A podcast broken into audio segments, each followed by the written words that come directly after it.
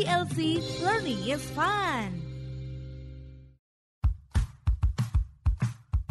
Halo good people, kita jumpa lagi di dalam podcast idlc.id.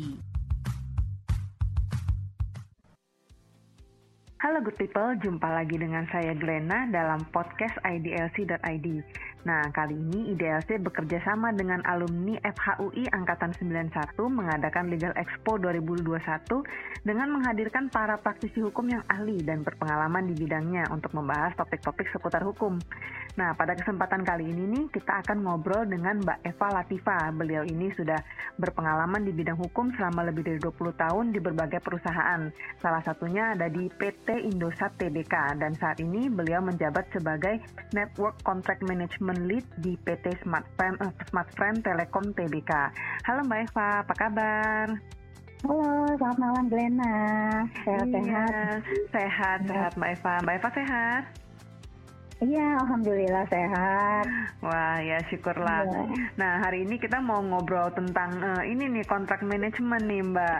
Nih kayaknya uh, apa kalau kita Iya. bicara apa ya dengar dari judulnya kontrak manajemen tuh di pikiran aku itu kita berbicara seputar kontrak. Nah, tapi aku pengen tahu nih, bener nggak nih pikiran aku nih ya yang dimaksud sebagai kontrak manajemen tuh sebenarnya apa sih, Mbak Eva? Terus maksud dan tujuannya tuh apa gitu? Kita uh, penting banget mengetahui tentang kontrak manajemen ini. Iya, oke.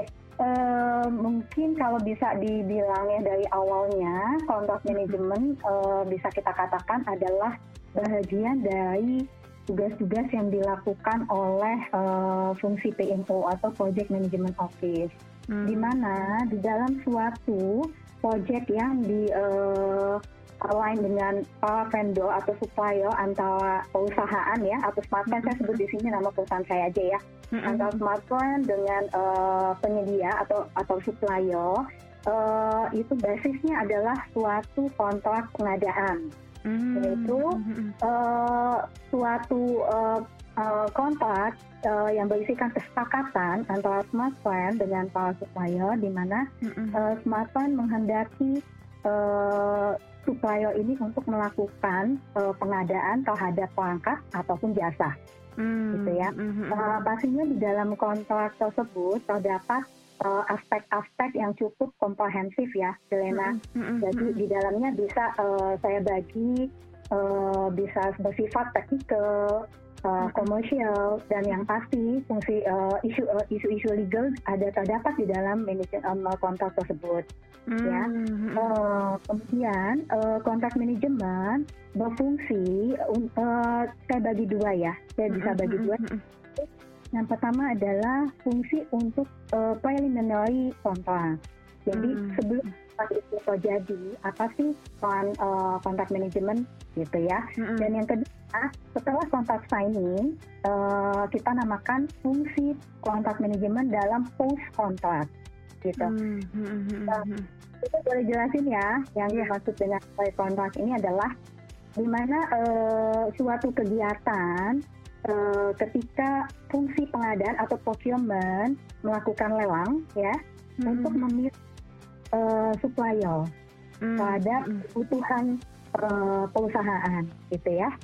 Iya. Uh, kemudian di dalam tahapan ini kontrak manajemen uh, be- mempunyai uh, kewajiban atau fungsi untuk memberikan advice apa-apa aja poin-poin yang uh, sebaiknya harus ada gitu terdapat dalam kontrak tersebut. Hmm, Jadi termasuk manajemen resiko ya berarti ya Mbak ya berarti Oh, dia harus diperhatikan pasti. dari semua Betul. aspek ya sa- sampai Iya, apa aja semua harus kita cantumin di dalam sebuah kontrak ya jadi nggak sesederhana Iya, hanya betul. berbicara tentang kontraknya aja tapi semua aspek harus Iya. dipertimbangkan apa sehingga apa Betul. aja yang dicantumkan dalam kontrak itu menjadi penting begitu ya Mbak ya Betul, betul Gena. Jadi kita memitigasi jangan sampai resiko itu eh, terjadi. Kalaupun terjadi, harus ada eh, eh, solusinya. Hmm, Jadi harus. Pertama mitigasi yang yang eh, penting ya, yang pasti itu mitigasi. Tapi, Mm-mm. tapi kalau misalnya memang eh, terjadi suatu hal yang tidak kita kehendaki, harus ada solusinya. Bagaimana Hmm, kelanjutan atau lanjut yang harus dilakukan oleh pihak. Jadi itu semua harus kita pikirkan secara end to end. Jadi uh, saya bisa, bisa sampaikan di sini fungsi manajemen kontrak sangat penting untuk memberikan advice kepada fungsi pengadaan yang uh, bertugas untuk memilih penyedia dan membuat kontrak pengadaan antara perusahaan dengan penyedia atau supplier hmm. itu gitu. Hmm, hmm, hmm, ya ya ya. Jadi memang kontrak manajemen ini penting banget ya kalau kita bicara sekedar uh, apa namanya sebuah proyek gitu. Kamu udah punya kontraknya hmm. belum gitu.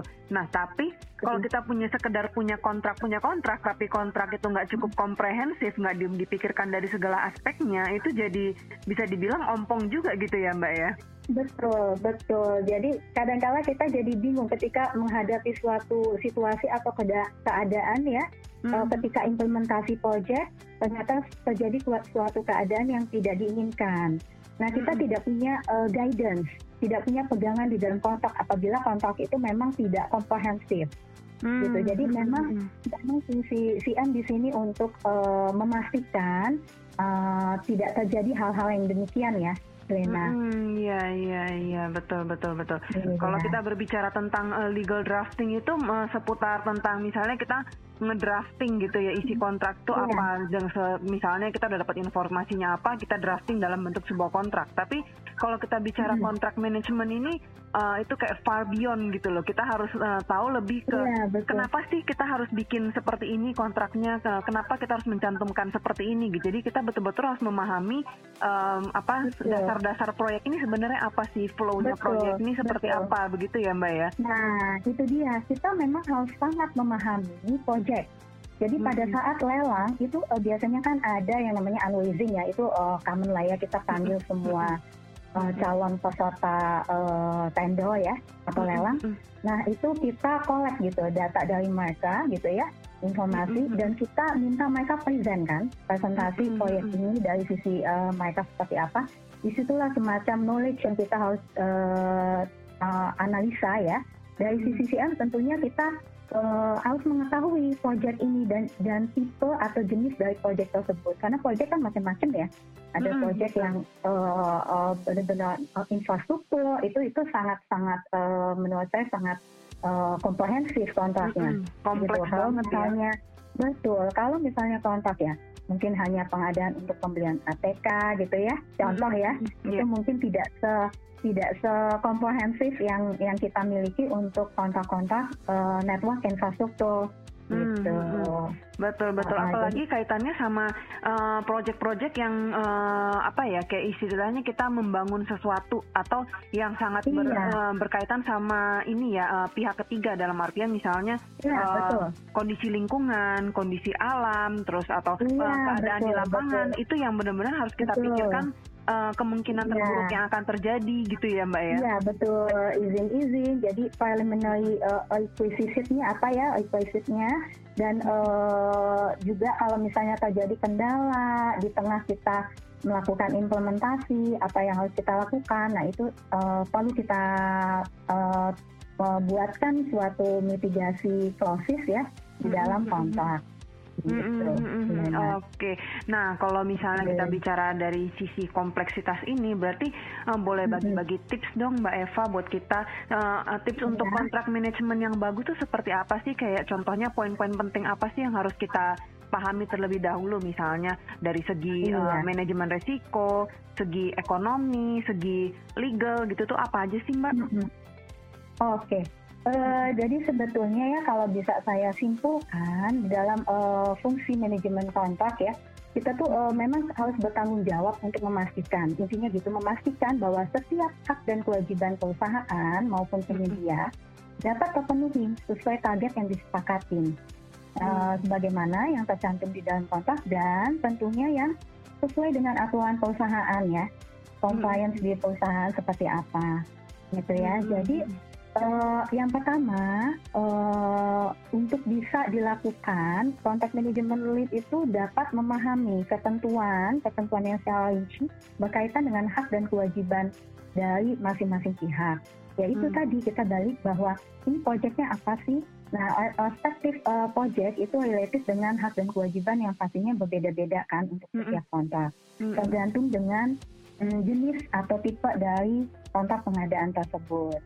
Ya. Hmm. Kalau kadang-kala kan kita uh, karena kita memang uh, uh, lebih lebih buat ke legal function nih sebenarnya untuk membuat hmm. kontrak ya.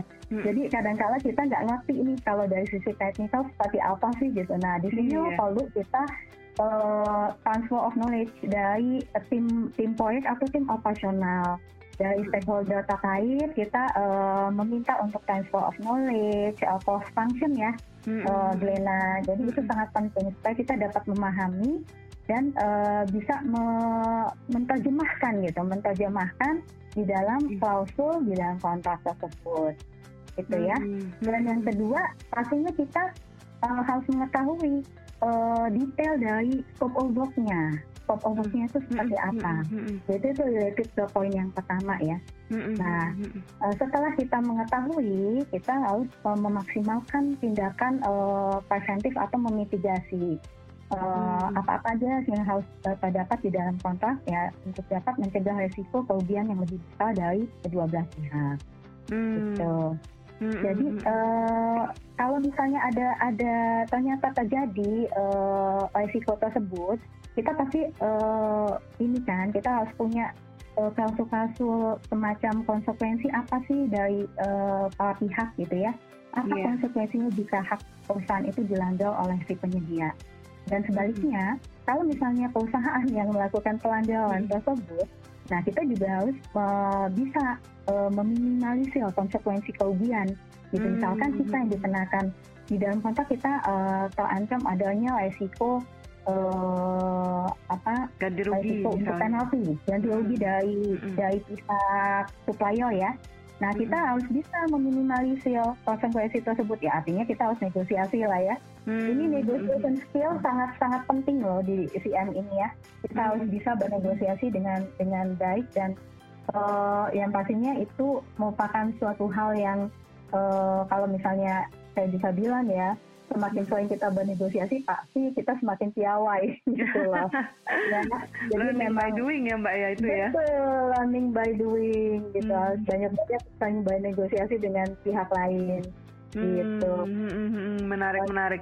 Ini sebagai contoh misalnya nih Mbak Eva kan uh, saat ini bekerja di uh, ini smart friend ya kita katakan uh, inilah uh, pemasangan jaringan proyek pemasangan jaringan.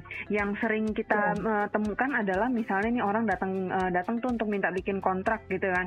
Uh, Ini dong tolong drafting kontrak saya mau kerjasama saya sebagai mm-hmm. pemberi kerja uh, nanti uh, B ini sebagai orang yang bekerja di lapangan. Pokoknya kalau dia pasang mm-hmm. jaringan di sana uh, berapa puluh jaringan nanti uh, hmm. itu kita bayar udah gitu. Nah yeah. terus yang seringnya menjadi diminta dikontrakkan tuh kan yang di draft di dalam kontrak kan intinya itu aja gitu kan. Pokoknya uh, kamu kerja saya bayar gitu kan. Tapi hal-hal yang kurang diperhatikan adalah resiko-resiko di lapangan ya mbak ya. Betul dan terutama gini, kalau resiko tadi uh, mungkin uh, sedikit sudah saya jelaskan ya bahwa di dalam suatu kontrak harus ada klausul-klausul uh, yang dapat mitigasi. Contohnya ya, kita harus mengenakan denda ya uh, um, uh, dalam dalam suatu kontrak itu harus ada klausul mengenai denda. Hmm. gitu. Hmm. Kalau kalau misalnya uh, denda katakanlah di dalam di dalam suatu kontrak itu sudah ada klausul denda, tapi uh, gimana outputnya jika denda itu ternyata sudah uh, mencapai suatu uh, ketentuan yang sudah maksimal ya maksudnya nilainya sudah mencapai maksimal. Apa yang harus dilakukan? Berarti kita harus ada langkah selanjutnya yaitu termination of contract. Itu sebenarnya hmm. sih Nah ya, yeah, tapi yeah. yang terpenting, yang terpenting adalah ini tadi Lena kan uh, sempat menyebutkan masalah. Ya udah sebenarnya intinya sih uh, saya lakukan semua pekerjaan seperti yang di dalam kontrak yang disepakati oleh kontrak tapi uh, perusahaan bayar dong kita mm -hmm. gitu ya betul Intinya. betul itu mm -hmm. ya itu yang yang terpenting adalah untuk bisa melakukan payment itu harus ada evidence bahwa uh, kinerja penyedia atau supplier mm -hmm. itu telah optimal dan sesuai dengan apa yang kita minta dan hmm. kita sepakati dalam kontrak gitu ya. Iya Jadi, betul betul. Terus gimana caranya untuk mengetahui? Artinya kita harus monitoring dan melakukan evaluasi Hmm. Gitu. Hmm. Gimana caranya untuk melakukan evaluasi? Nah, di sini tugasnya CM. Kontak manajemen salah satunya adalah bertugas untuk membuat uh, suatu parameter, Glenna. Hmm. Parameter uh, indikator kinerja gitu ya. Iya. Yeah. Uh, biasa sebut KPI lah di Iya, indikator bahwa eh, kita udah sufficient tuh seperti apa? Itu Iya, diperjanjikan di awal apa? ya, Mbak ya? Iya, itu harus di awal. Hmm. Jadi itu harus disepakatin dan menjadi eh, ya biasanya eh, salah satu bagian atau exhibit lah dari dari kontrak ya. Itu Hmm. pasti ada KPI.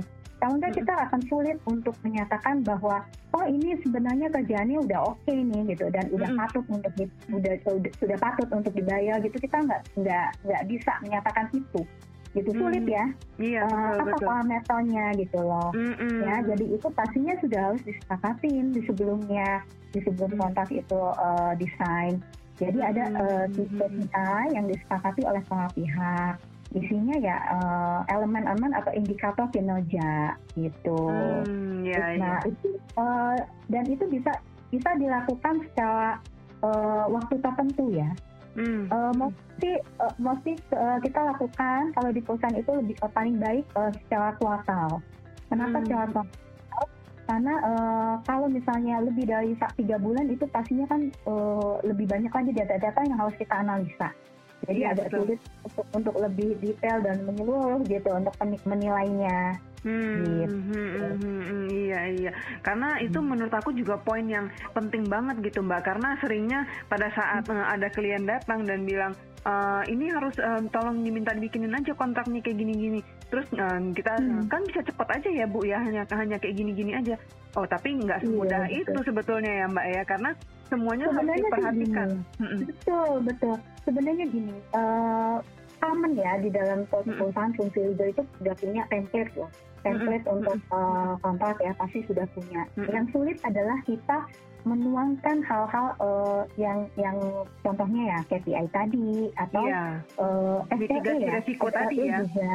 Resiko-resiko di SLE, lapangan Iya, service level agreement kayak Mm-mm. gitu. Karena kenapa ada sulit? Itu kan menetapkan suatu parameter dan pastinya ada ada negosiasi kan di situ. Betul dengan dengan penyedia. Pastinya kalau dari sisi kita, kita sisi eh, istilahnya yang melakukan pembayaran ya, memerintahkan Iya. pekerja.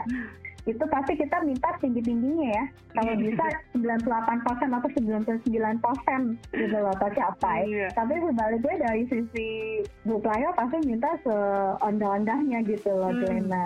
betul Nah, betul di situlah eh, eh, fungsi negosiasinya kita harus piawai di situ. seni dari Gitu. negosiasi ya mbak ya itu pastinya Iya, seni didapatkan dari pengalaman Iya. yang nggak mungkin bisa Iya. ini ya overnight ya betul betul Glenna. iya iya menarik banget. Karena eh, menurut aku ya kita eh, kuncinya untuk memahami sebuah kontrak adalah kita harus memahami proyek tadi yang seperti mbak sampaikan. Kayak contohnya Iya. tadi eh, misalnya kita bilang cuman eh, ya pokoknya bikin aja perjanjian tentang eh, pasangin tiang listrik pasangin tarik kabel gitu kan. Nah tapi definisinya dari selesai itu adalah kamu harus selesaikan dalam waktu berapa lama dengan spesifikasi Betul. seperti apa gitu kan. Kalau di kemudian Betul. hari ternyata terlambat apa yang harus dilakukan? Terlambat dari jangka waktu apakah ada denda atau misalnya Iya, betul. ternyata eh, setelah dipasang gitu kan oh ya ini udah terpasang kok Hmm. gitu kan nah tapi Hmm, kalau hmm. ada kendala tanggung jawab siapa begitu ya kalau sampai terjadi kerusakan Iya, apa itu semua yang harus kita manage dari awal dan harus disepakati di awal ya mbak ya Iya, betul sekali Glenna. Dan Hmm. eh, tentunya eh, kita harus eh, pintar-pintar berimajinasi ya sebenarnya.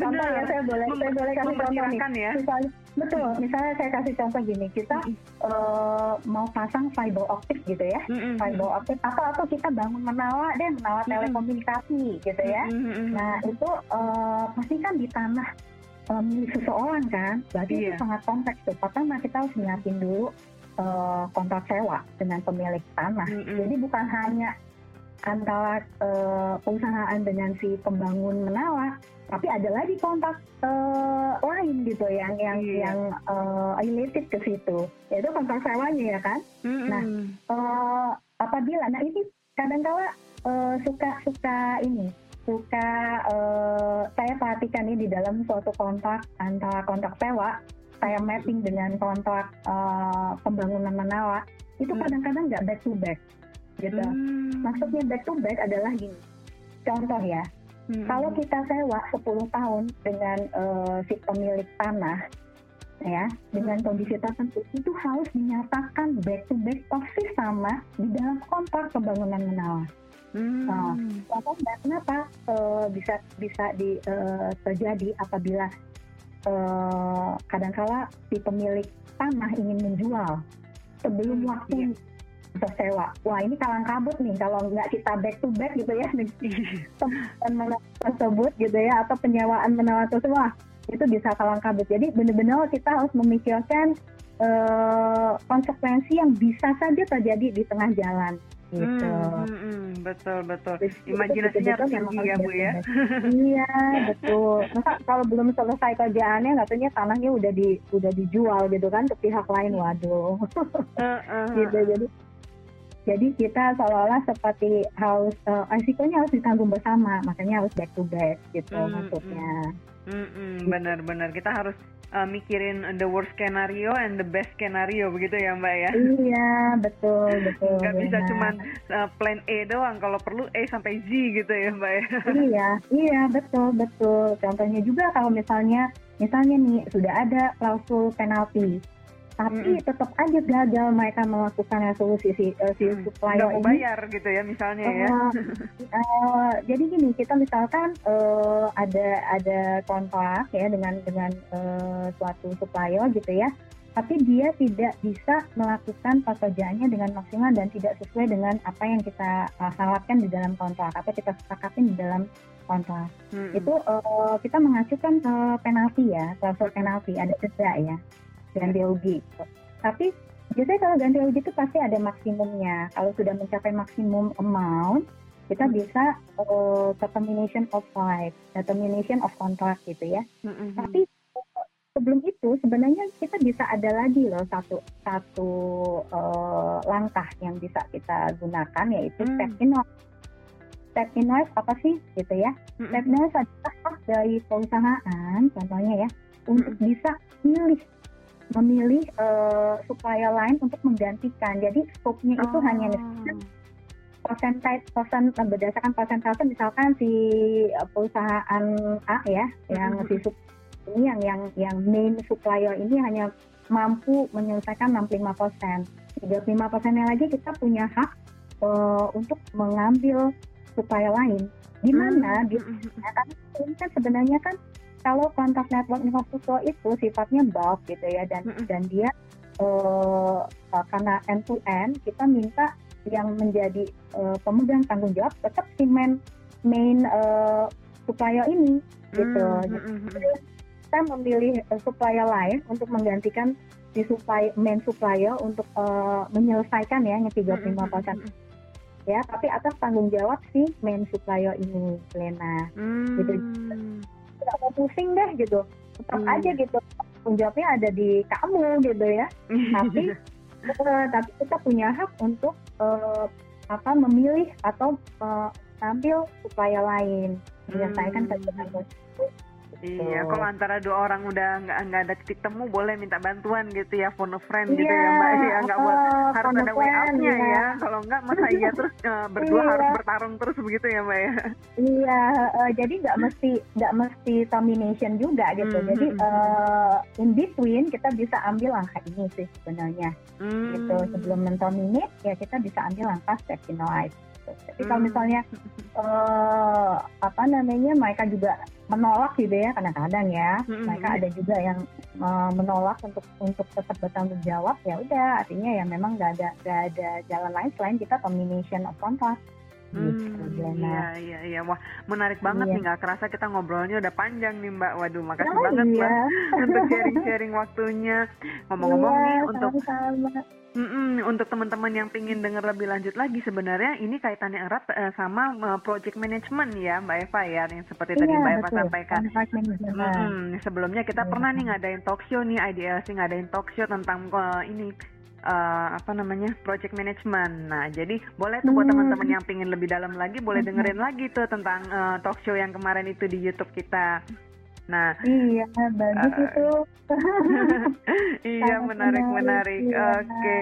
nah, terima kasih banget okay. loh Mbak Eva untuk waktunya sharing-sharing sama kita. Sama-sama Glenna. Iya. Hmm. Sampai jumpa lagi ya Mbak Eva. Iya, makasih okay, Jana. Makasih Mbak Eva. Sampai jumpa teman-teman dalam topik-topik menarik lainnya.